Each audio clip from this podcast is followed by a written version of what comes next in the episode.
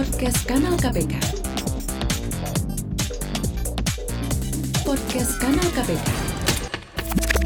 Klinik gratifikasi.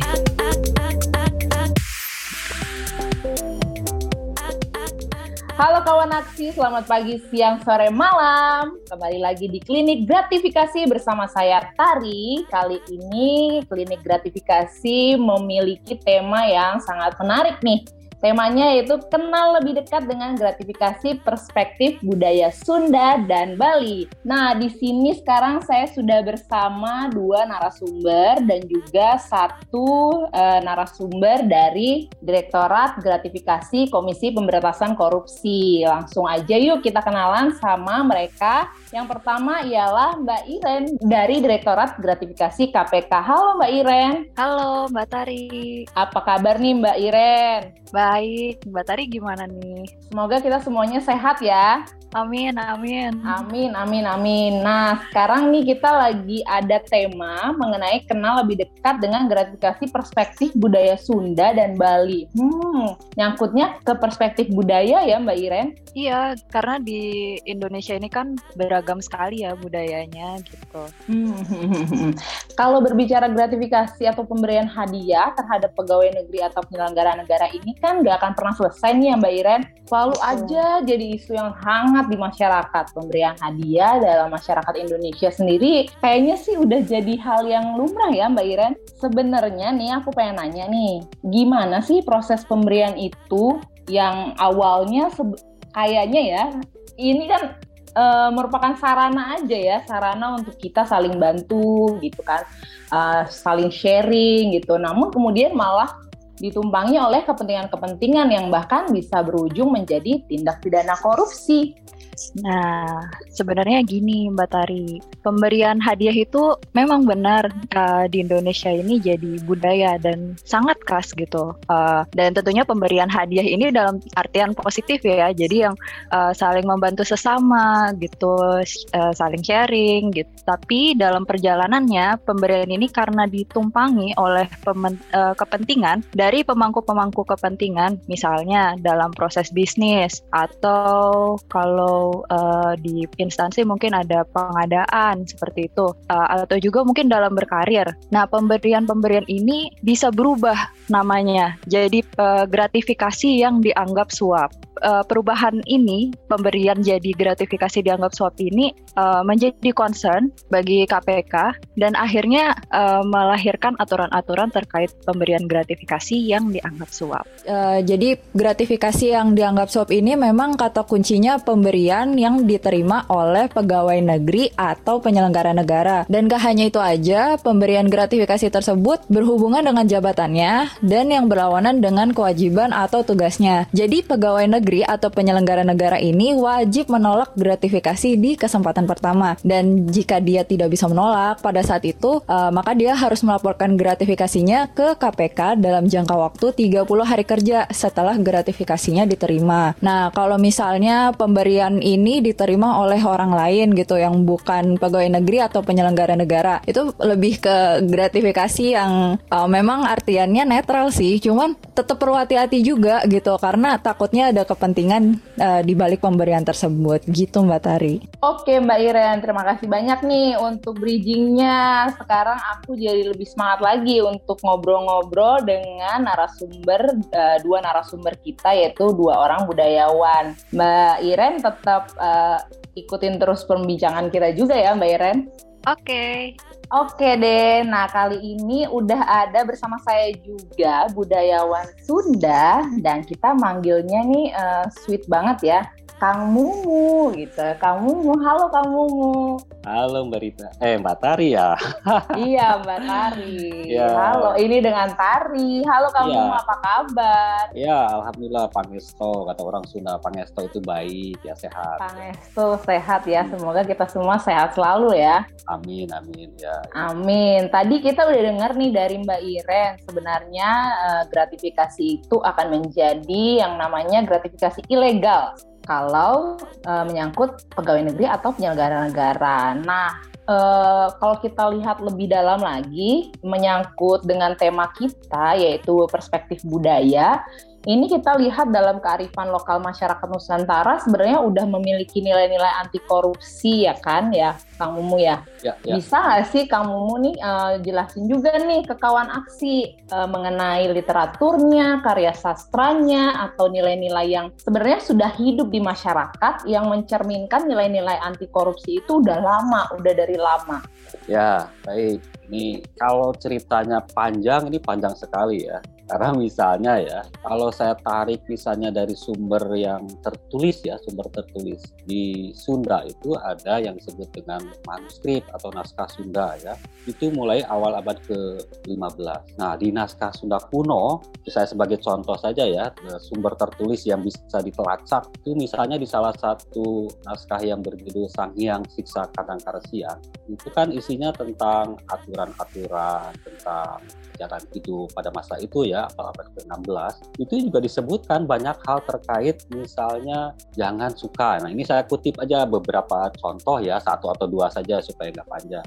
Misalnya di situ dijelaskan, kalau jadi manusia, jadi orang, itu jangan suka hianat. Nah hianat itu apa? Katanya ada hianat pada diri sendiri, ada hianat pada orang lain. Nah hianat pada sendiri sendiri apa? Kalau ditanya orang, uh, seharusnya kita mengatakan iya, tapi kita mengatakan bukan, atau sebaliknya itu berkhianat pada diri sendiri, artinya berbohong pada diri sendiri. Nah, apa hianat pada orang lain? Nah, itu dikatakan di situ berkhianat pada orang lain adalah satu, memetik atau suka memetik atau mengambil milik orang lain tanpa izin atau mengambil tanpa meminta, memungut tanpa memberitahu, apalagi suka merampas, mencuri, merampok dan seterusnya. Itu banyak. Nah juga di teks yang lain ya di naskah Sunda kuno abad ke-16 karena diceritakan dulu ada nggak? Nah itu ada buktinya. Nah misalnya di Amanat Galunggung yang naskahnya berbentuk lontar dan disimpan di Perpustakaan Nasional tuh di depan Monas ya seberang Monas itu dan mereka Selatan di situ ada juga di dalam Amanat Galunggung itu yang ini nasihat ini pada masa itu dibilang jangan suka berebut kedudukan, jangan berebut penghasilan, jangan berebut hadiah, karena itu akan akan bermasalah gitu, dan akan memunculkan ketidakmuliaan pada diri seseorang. Jadi sebaiknya itu ya, ya suka mengalah, murah senyum gitu ya seperti Mbak Tari berseri hati dan mata kalau bicara. Nah itu itu kalau dari sumber tertulis itu banyak lagi ya. Kalau dari abad ke abad ceritanya bisa tujuh hari tujuh malam nih ya. Nah, tapi misalnya dalam kehidupan sehari-hari, itu kan memang tradisi kita di Indonesia termasuk di Sunda, itu kan mulai dengan tradisi lisan kan. Lebih banyak orang itu berbicara, dan berbicara itu kemudian kan dituliskan dalam bentuk ungkapan-ungkapan atau idiom ya, dan peribahasa. Yang sebenarnya itu pengalaman hidup mereka ya, nenek moyang Sunda pada masa lalu misalnya, yang intinya salah satunya yang selalu dipakai dan dipraktekkan dari dulu hingga sekarang, orang Sunda itu dibilang harus siger tengah atau sinegar tengah. Apa itu? Ya harus hidup dalam keseimbangan. Jangan hidup kekurangan ya, karena itu harus berusaha. Tapi kalau sudah dapat sesuatu, jangan hidup berlebihan juga, jangan suka bermewah-mewah. Karena itu dibilang saetik kudu nah, loba kudunya sah. Jadi kalau kita dapat sesuatu ya, ya sedikit harus dicukupin gitu. Kalau banyak harus disisakan. Dan jangan suka mengambil milik orang lain. Jangan suka misalnya dibilang jangan suka uh, kalau Sundanya itu ulah gasik nampi ya. Jangan cepet-cepet nerima pemberian orang gitu ya. Gancang nerima. Jadi jangan-jangan ada sesuatu nih gitu ya. Jadi ada banyak sekali ungkapan yang ini sebenarnya ini petunjuk nih dari zaman dulu. Orang Sunda juga dan yang Sunda itu udah bilang gitu. Jangan suka misalnya ulah haripet ya jangan kita nerima barang pemberian orang lain tapi kita nggak memikirkan kan nih jangan-jangan orang itu ada sesuatu nih. Jadi udah diingatkan tuh. Itu banyak sekali ungkapan itu bisa ratusan kalau dikumpulkan. Itu bisa jadi penelitian. Oke, sekarang sudah ada bersama saya Bli Putu yang sudah hadir juga bersama-sama dengan Kang Mumu. Dari tadi juga udah ada Bli Putu. Bli Putu apa kabar? Kalau orang Balinya bilang itu seger oger gitu. Artinya sehat. Seger oger sehat. Mantap. Nah, tadi kita udah lihat melihat perspektif kearifan lokal yang ada di Sunda atau masyarakat Sunda mengenai apa yang sebenarnya sudah ada nih kearifan lokal nilai-nilai anti korupsi dari sejak zaman dahulu sudah ada eh, tadi Kang Mumu menjelaskan beberapa literaturnya, tapi tidak terlalu panjang, nanti bisa jadi skripsi. Nah, bagaimana dengan di Bali sendiri? Di Bali sendiri, adakah yang bisa menjelaskan mengenai literaturnya, kayak karya sastra, ataupun nilai-nilai yang sebenarnya sudah melekat lama di masyarakat Bali yang sudah mencerminkan nilai-nilai anti korupsi. Iya, jadi kalau kita melihat dalam literatur atau karya-karya sastra Bali ya, sesungguhnya tidak berbeda dengan apa yang sudah dijelaskan oleh Kang Mimu dalam kasanah literasi atau karya sastra Sunda begitu. Nah, kalau di Bali perilaku anti korupsi termasuk juga anti gratifikasi itu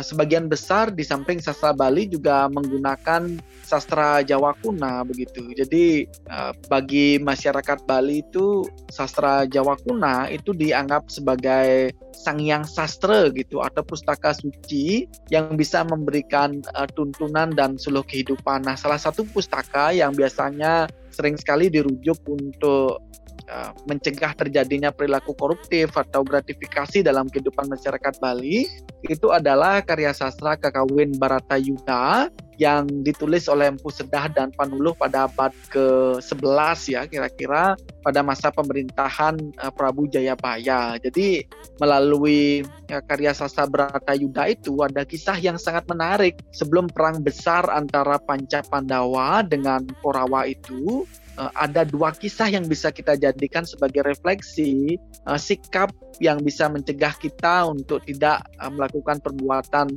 korupsi dan termasuk juga gratifikasi. Nah, dalam kekawin Baratayuda itu dijelaskan untuk mencegah terjadinya perang saudara antara uh, Panca Pandawa dengan Korawa, Panca Pandawa memiliki inisiatif untuk uh, meminta bantuan kepada Sri Krishna uh, melakukan konsolidasi atau pendekatan kepada pasukan-pasukan Korawa begitu. Jadi ketika Krishna sebagai duta atau utusan dari Panca Pandawa tiba di tempat Korawa yaitu di Hastina, pada saat itu Duryodhana termasuk Dursasana dan seluruh uh, staf kerajaan Hastina kemudian uh, memberikan sambutan yang luar biasa meriah termasuk juga menghaturkan emas, perak, kain dan berbagai busana yang luar biasa indahnya dan mahalnya kepada Krishna begitu.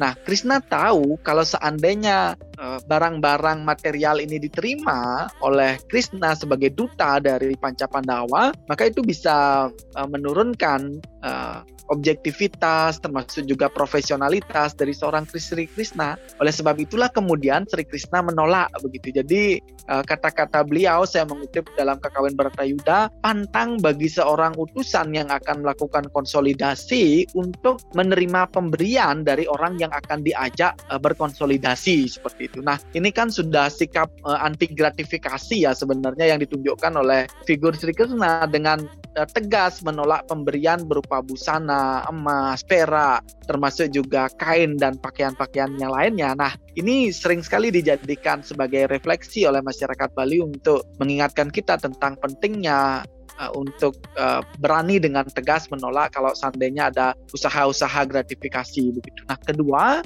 juga berasal dari kekawin Baratayuda Nah, berbeda dengan uh, sikap Sri Krishna, ya, ada seorang tokoh yang bernama Prabu Salya, ya.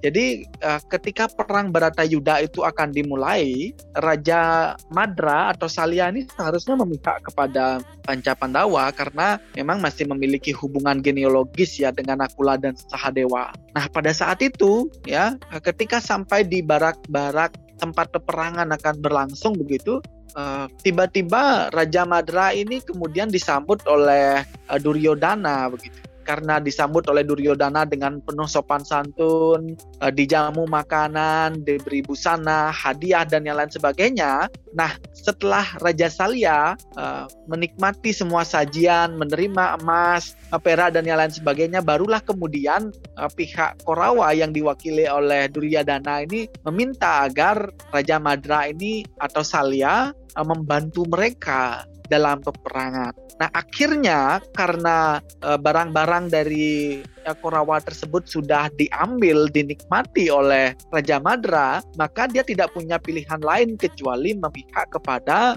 Korawa yang tentu adalah musuh dari Panca Pandawa sebagai representasi dari ketidakbenaran. Nah, di titik terekstrimnya sebenarnya uh, menurut pustaka kekawin Baratayuda ini, kalau kita menerima gratifikasi itu, ya apa yang sesungguhnya hilang begitu. Jadi yang hilang itu adalah kemahardikaan jiwa atau kemerdekaan kemerdekaan jiwa untuk menentukan uh, pilihan-pilihan dan sikap hidup terutama yang berpihak pada kebenaran. Jadi begitu Tari.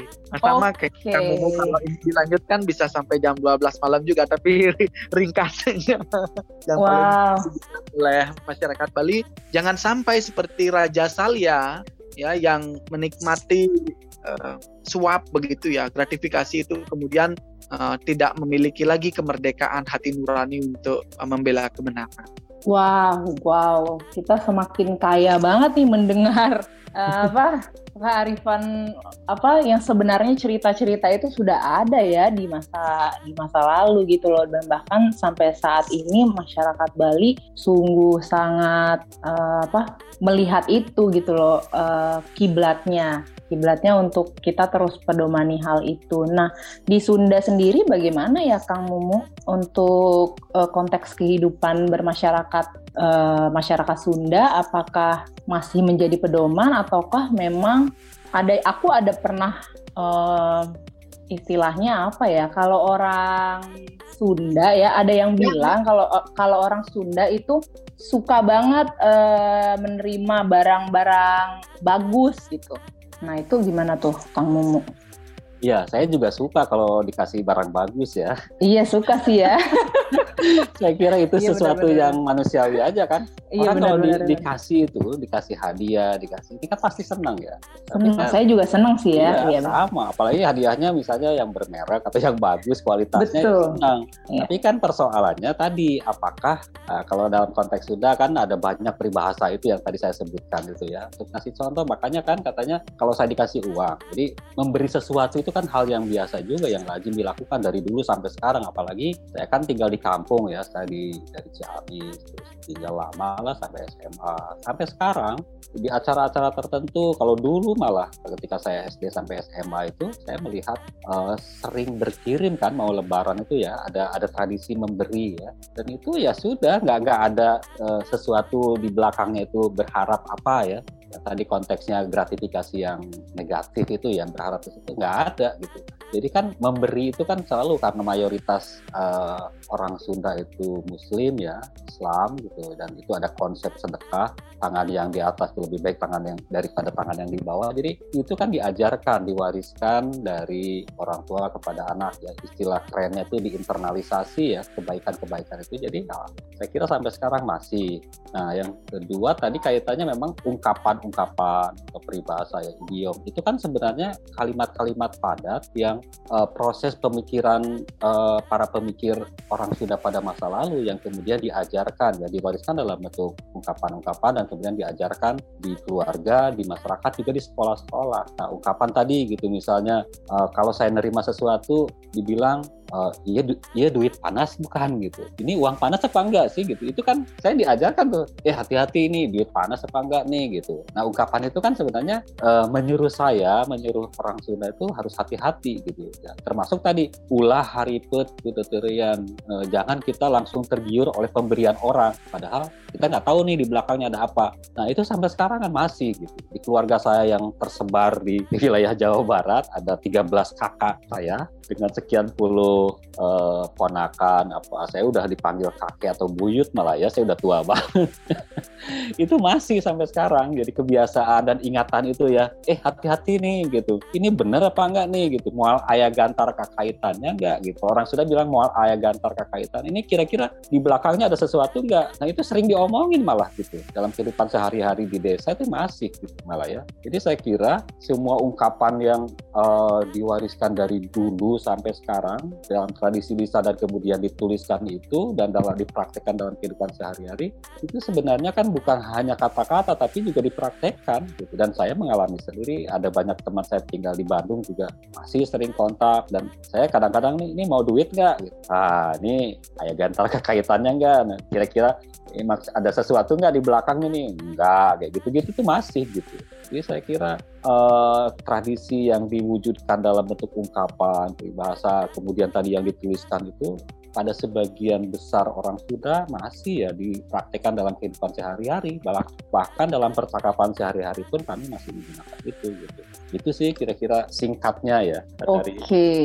nah ini kan uh, menarik banget ya ketika apa tadi Kang Mumu bilang banyak sekali uh, saudara-saudara Kang Mumu ya uh, tersebar di berbagai daerah uh, di Jawa Barat ya yang masih Sunda gitu. Nah, sebenarnya ada nggak sih kayak karya seni atau budaya yang unik gitu misalnya kalau tadi Kang Mumu ada cucu ataupun ada uh, anak-anak uh, kecil yang bisa dipakai sebagai wadah atau cara untuk nyebari nilai-nilai itu supaya mereka tuh kayak nangkepnya oh gampang ya mungkin kayak uh, istilah atau pepatah-pepatah uh, bahasa Sunda dalam bahasa Sunda mungkin ada yang tidak mengerti atau yang kayak gimana tapi dengan ngelihat karya seni ataupun ada budaya yang unik mungkin eh, anak-anak uh, jadi lebih mengerti ada nggak Kang Mumu? Ya, yang pasti ya dari zaman dulu, saya pernah kecil ya, dari zaman dulu kecil sampai sekarang, itu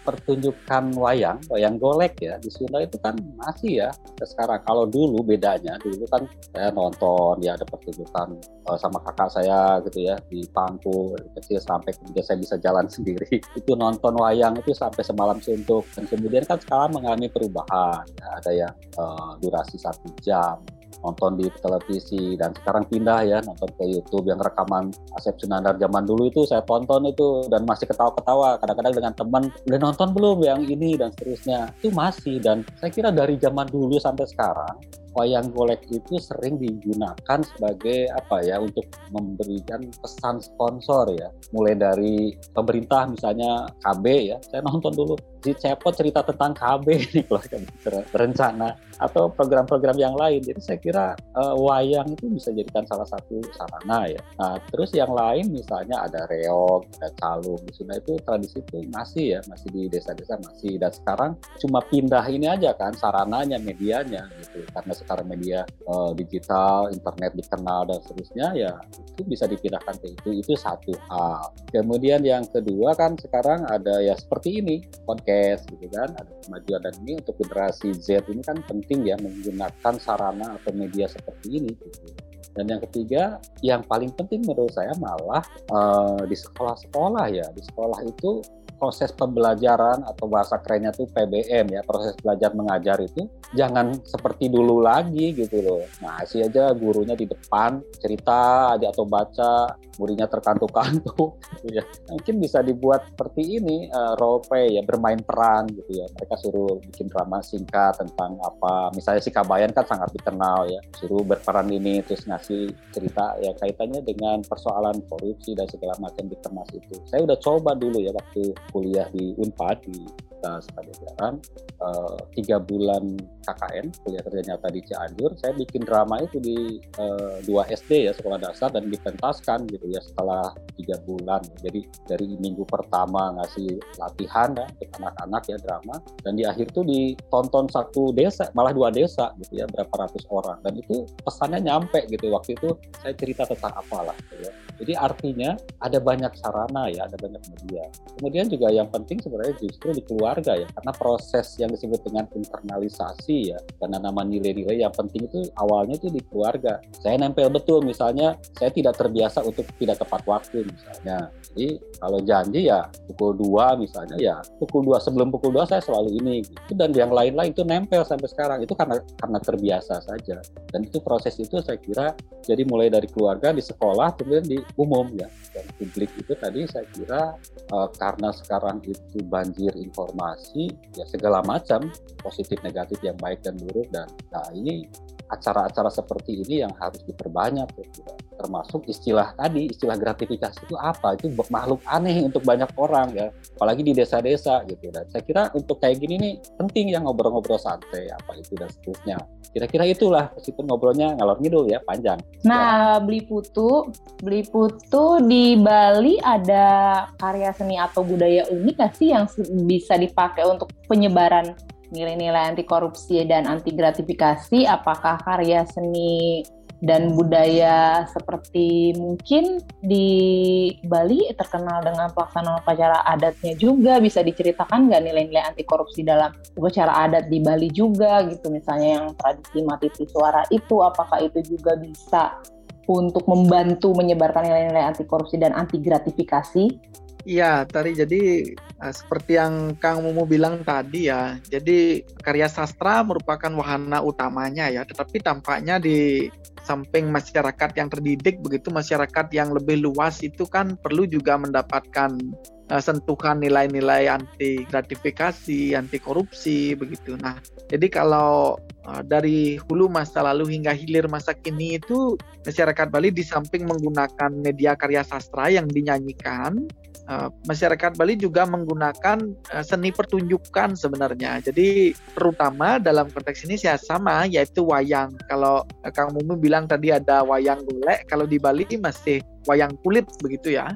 Nah, hmm. biasanya pembahasan-pembahasan tentang anti korupsi, anti gratifikasi yang sering sekali dilakukan oleh uh, pihak penguasa begitu ya, itu tersampaikan melalui dialog antara tokoh-tokoh yang rakyat gitu yang biasanya satir, kemudian sinis, uh, penuh dengan kritik. Biasanya kalau di Bali itu uh, sangut dalam itu adalah figur yang uh, sangat leluasa untuk membicarakan sikap-sikap uh, pemerintah yang misalnya terjadi di satu kerajaan dan korupsi begitu ya dan uh, melakukan gratifikasi itu dengan sangat leluasa disampaikan oleh uh, tokoh rakyat yang sangat dalam itu begitu. Nah, di samping itu uh, ada juga seni-seni uh, prembon namanya di Bali ya atau pengarjan yang mana memang uh, di sana itu uh, kaya sekali dengan dialog-dialog termasuk juga ajaran-ajaran uh, tentang agar kita tidak loba istilah Balinya ya atau maruk begitu. Jadi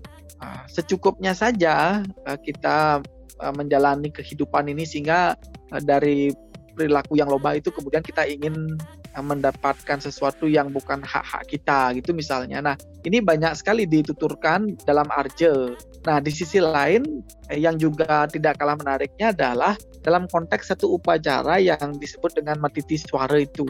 Jadi eh, di sebuah pura yang bernama Pura Batur ya mungkin eh, teman-teman pendengar podcast ini pernah jalan-jalan ke Bali di Gunung Batur yang ada danaunya itu Ya, jadi di sebelah Gunung Batur dan Danau Batur itu ada Pura Batur namanya.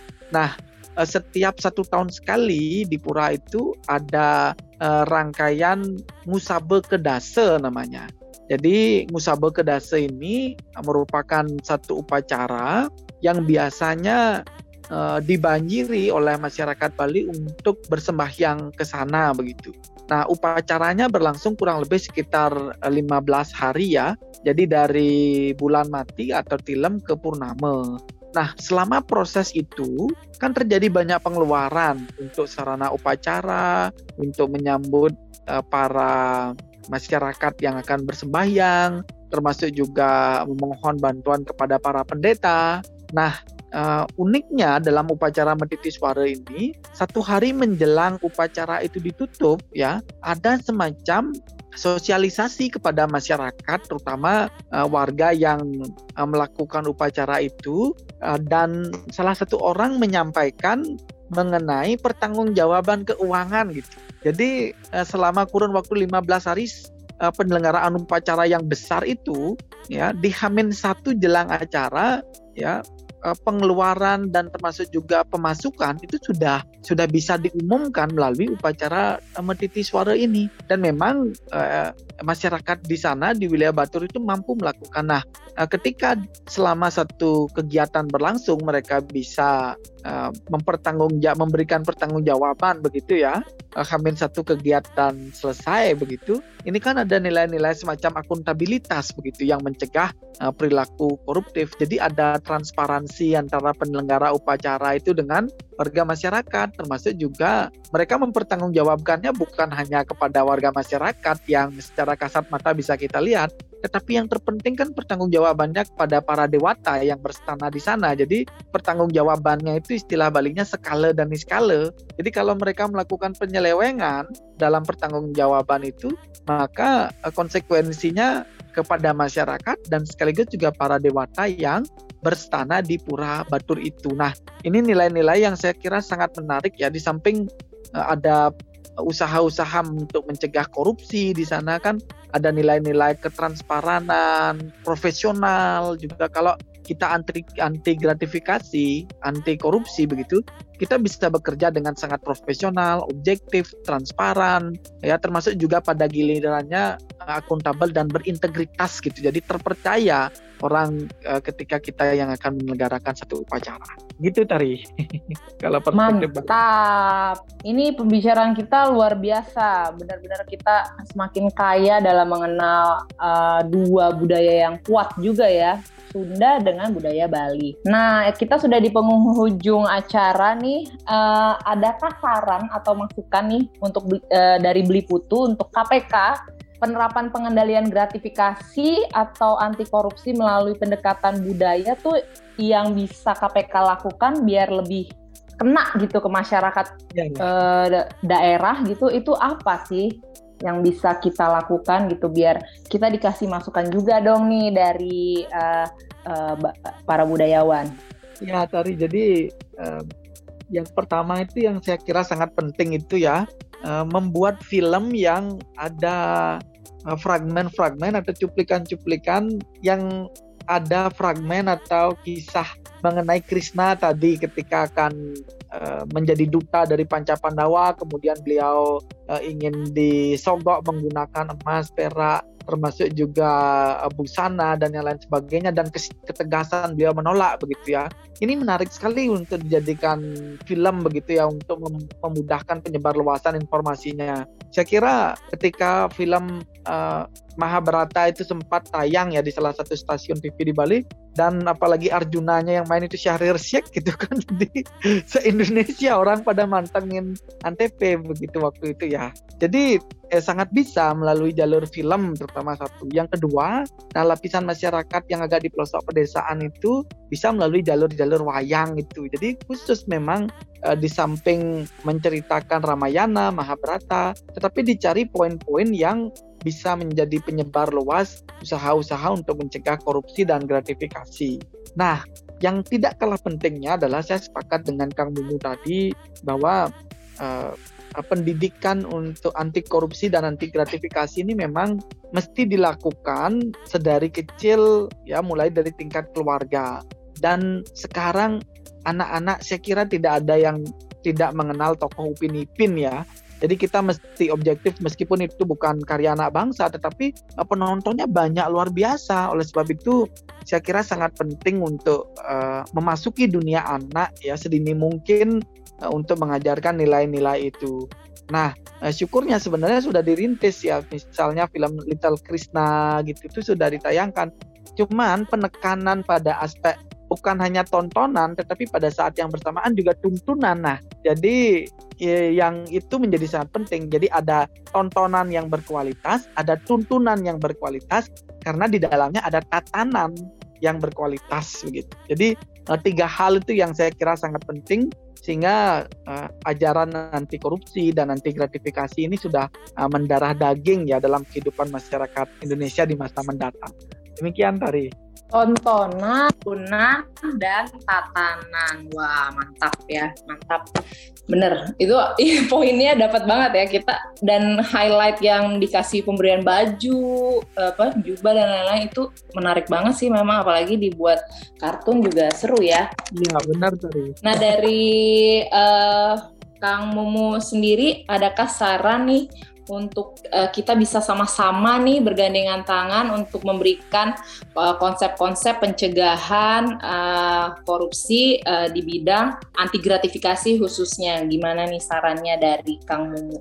Ya, saya setuju ya dengan uh, ya bahwa kita harus membagi kalau menurut saya sih membagi ini sasarannya siapa yang disasar itu penontonnya siapa Nah, kalau misalnya generasi Z tadi seperti saya katakan, kan ini ada data nih kalau saya beberapa kali penasaran dengan data pengguna internet. Indonesia itu kan tiga terbesar di dunia ya pengguna internet. Itu sampai 2020 aja udah 25 juta lebih pengguna internet. Dan apa yang paling sering ditonton? Itu ada lima besar.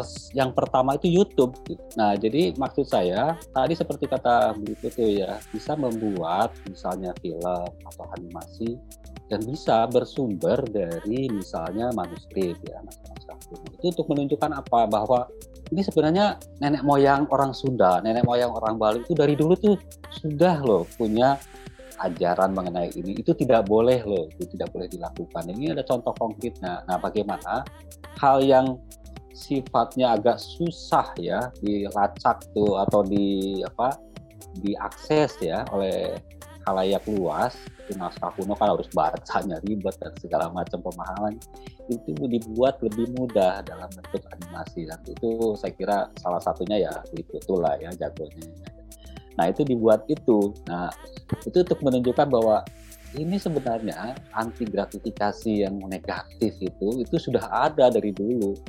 Dan ini loh contoh-contohnya. Nah, ini ini jadi sesuatu yang harus dipedomani oleh kita. Karena dari dulu juga begitu. Kalau ingin uh, misalnya hidup ini penuh dengan kebaikan gitu kebenaran hal yang uh, kedamaian itu ya hidup tenang itu ya dengan cara melakukan hal-hal yang baik salah satunya juga melakukan aktivitas. Nah yang kedua uh, tadi sarana wayang memang tadi saya katakan itu itu kan ada banyak masih banyak pertunjukan-pertunjukan yang bisa dibuat dalam uh, durasi yang pendek gitu ya 15-30 menit. Yang yang umum kan satu jam. Tapi sebenarnya bisa uh, sudah ada beberapa percobaan ya uh, bikin wayang pertunjukan wayang yang super singkat dan itu hanya tokoh utamanya aja. Nah tokoh utama orang Sunda kan tokoh utama dalam arti yang selalu ditunggu-tunggu kedatangannya uh, ketika nonton wayang kan keluarga itu ada Semar, Cepot dan keluarganya itu kan. Nah ingin didengar cepotnya gitu ya. Jadi selain menyampaikan hal-hal yang kocak, yang lucu, tapi juga bisa menyampaikan pesan-pesan itu dan saya yakin ditonton karena sampai sekarang uh, penonton wayang golek itu kan masih banyak ya dulu sempat kan di Indosiar itu setiap malam minggu saya selalu ayo yuk nonton nonton bareng nonton bersama gitu ya uh, wayang. Nah kemudian saya kira uh, karena budaya lisan kita lebih kuat ya penonton penonton televisi atau penonton gosip kan lebih banyak daripada pembaca buku-buku ilmiah apalagi pembaca naskah kuno ya beli Putu ya jadi saya kira uh, harus diperbanyak itu betul tadi. banget Kang para peneliti manuskrip itu kan minoritas ya, itu orang-orang yang hidup di jalan sunyi.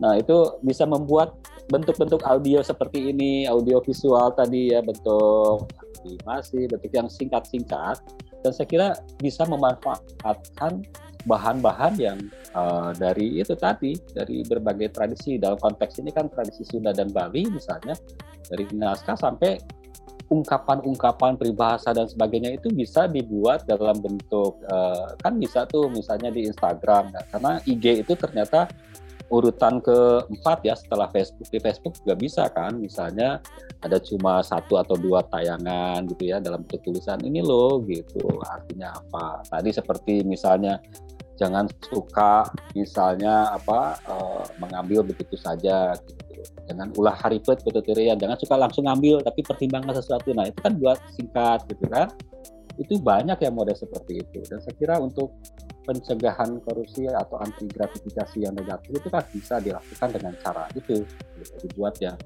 dalam bentuk yang kekinian ya. Meskipun misalnya asalnya dari kuno dari kekunoan ya kita buat yang kekinian untuk menyampaikan pesan kebenaran. Itu Batari Wah, ya. keren banget penjelasan Kang Mumu dan Beli Putu. Terima kasih kepada Kang Mumu dan Beli Putu atas sharing-sharingnya dan saran-sarannya untuk KPK. Jadi kalau kita dengar penjelasan dari Kang Mumu dan Beli Putu tadi, uh, sebenarnya nilai-nilai budaya di masyarakat Indonesia seperti di Sunda dan Bali itu lekat dengan nilai-nilai anti korupsi. Dan masyarakat tidak pernah menjadikan korupsi sebagai budaya, karena jelas itu merupakan hal yang dianggap sangat buruk oleh masyarakat, di mana padanan literatur literatur budayanya korupsi ini disamakan dengan mencuri, merampok, atau merampas hak milik orang lain. Nah, mungkin para budayawan bisa menyimpulkan hal tersebut lebih dalam lagi, sekaligus mungkin memberikan uh, closing statementnya nih. Mungkin Silakan dari Kang Mumu, Kang Mumu dulu. Iya, senior. ya, baik. Jadi intinya bahwa sejak dulu dan itu bisa dilacak dari sumber tertulis maupun sumber lisan yang kemudian ditinggalkan dalam bentuk tertulis, orang Sunda itu pada masyarakat Sunda. Sejak dulu orang-orang atau manusia Sunda itu diajari untuk bersikap hidup tidak berlebihan, uh, tetapi juga harus berusaha semampu dia untuk mencukupi hidupnya, kebutuhan hidupnya. Tetapi itu harus dilakukan dengan cara yang baik, dengan cara tidak merugikan pihak lain. Dan kalau diberi sesuatu oleh orang lain, jangan terima begitu saja tanpa berpikir bahwa kemungkinan orang itu ada kepentingan tertentu. Jadi intinya bijaklah ketika kita memperoleh sesuatu, menerima sesuatu, juga kalau mau memberi sesuatu kepada orang lain. Karena itu sudah diajarkan oleh leluhur orang Sunda yang jumlahnya sangat banyak dan dipraktekkan dari dulu sampai sekarang. Itu saja. Terima kasih. Baik, terima ya, kasih baik. kamu. Silahkan untuk putu. Iya. Jadi dari uh, tinggalan literasi sastra Bali ya, termasuk juga Jawa kuno yang saat ini menjadi pedoman hidup masyarakat Bali, uh, sesungguhnya uh, perilaku yang korupsi termasuk juga ulah laku yang berkaitan dengan penerimaan barang-barang tertentu dengan modus-modus atau harapan tertentu itu sudah terrefleksikan dalam karya-karya sastra itu. Nah, oleh sebab itu, kenapa para leluhur mewariskan uh, karya sastra termasuk juga ungkapan-ungkapan lisan? Kenapa kemudian uh, para leluhur di masa lampau mewariskan upacara metiti uh, mang mamah begitu ya. Kemudian uh, kenapa harus ada upacara uh, lain yang dilengkapi dengan arje, peprembonan, wayang agar uh, perilaku-perilaku itu tidak kita ulangi lagi begitu. Jadi kalau beliau sudah uh, trial dan error membuktikan kalau perilaku yang koruptif itu berdampak tidak bagus kepada kehidupan, maka sebagai generasi yang mencita-citakan kemajuan saat ini, kita tidak boleh jatuh pada lubang yang sama untuk kedua kalinya dengan para leluhur. Saya kira poinnya adalah uh, perilaku koruptif termasuk juga uh, melakukan gratifikasi itu sangat bertentangan dengan nilai-nilai sastra, nilai-nilai budaya dan nilai-nilai agama yang dianut oleh masyarakat Bali begitu. Oleh sebab itu uh, saya kira untuk bisa mencegah perilaku ini uh, perlu dilakukan berbagai transformasi terutama dengan uh, bidang kesenian ya mulai membuat film, kemudian animasi, termasuk juga mementaskan wayang-wayang sehingga eh, betul-betul ajaran anti korupsi dan anti gratifikasi ini membumi sampai akar-akar masyarakat kita. Demikian Tari, terima kasih. Oke, terima kasih dua narasumber dan juga satu dari teman kita dari Direktorat gratifikasi Mbak Iren dan Kang Mumu dan juga Beli Putu. Terima kasih banyak atas bincang-bincangnya pada kesempatan kali ini di podcast kanal KPK Klinik Gratifikasi. Sampai ketemu kawan aksi di episode selanjutnya. Salam anti korupsi. Klinik Gratifikasi. Podcast Kanal KPK. podcast Kanal KPK.